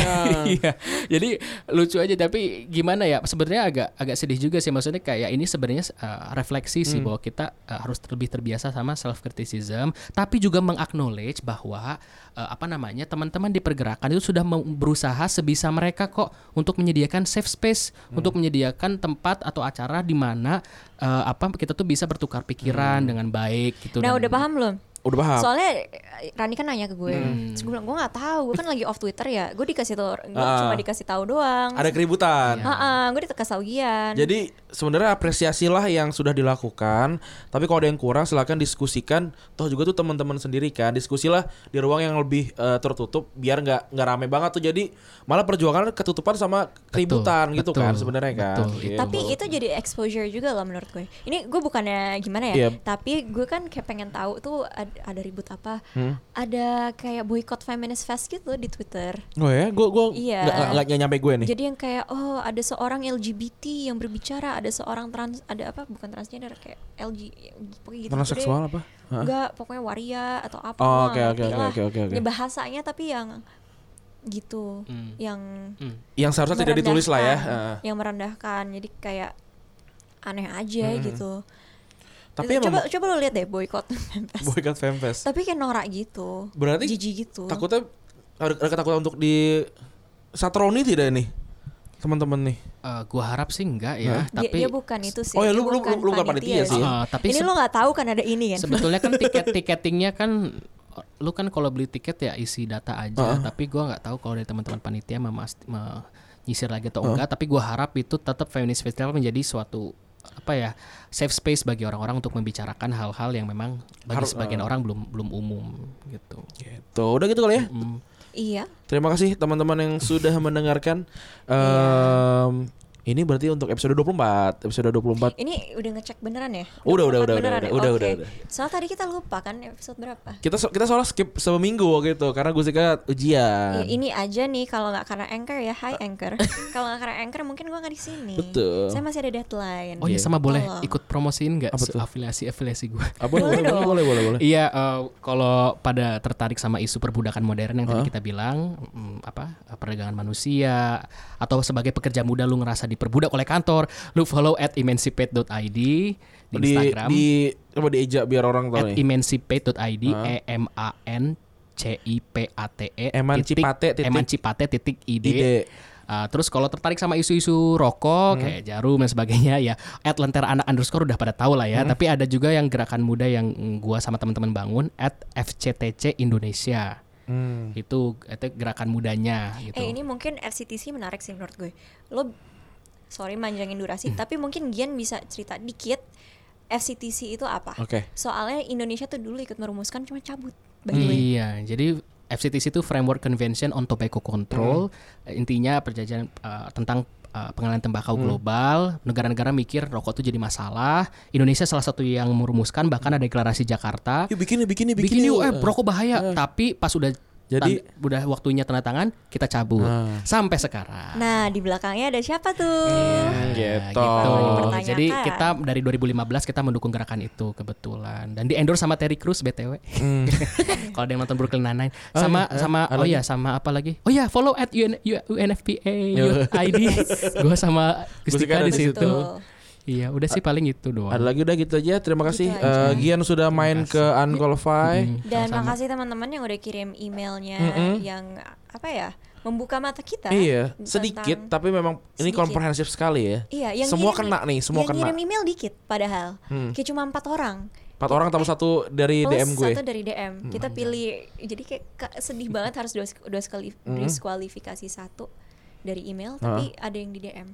Iya, gitu dan eh, kita ada satu yang yang kita udah eh, minta email tapi belum kita eh, rekaman ya. Jadi nanti Iya. paling minggu depan lah ya. Eh, semoga eh, Rani dan Gustika ada waktu karena seperti tagline di eh, Unqualified adalah podcast yang direkam ketika Rani dan Gustika jadwalnya cocok. Soalnya udah jam setengah sebelas malam ya. Uh-uh. Tadinya mau lanjut, Mau tapi lanjut. kayak I don't think that's feasible. Iya, nanti aja ya.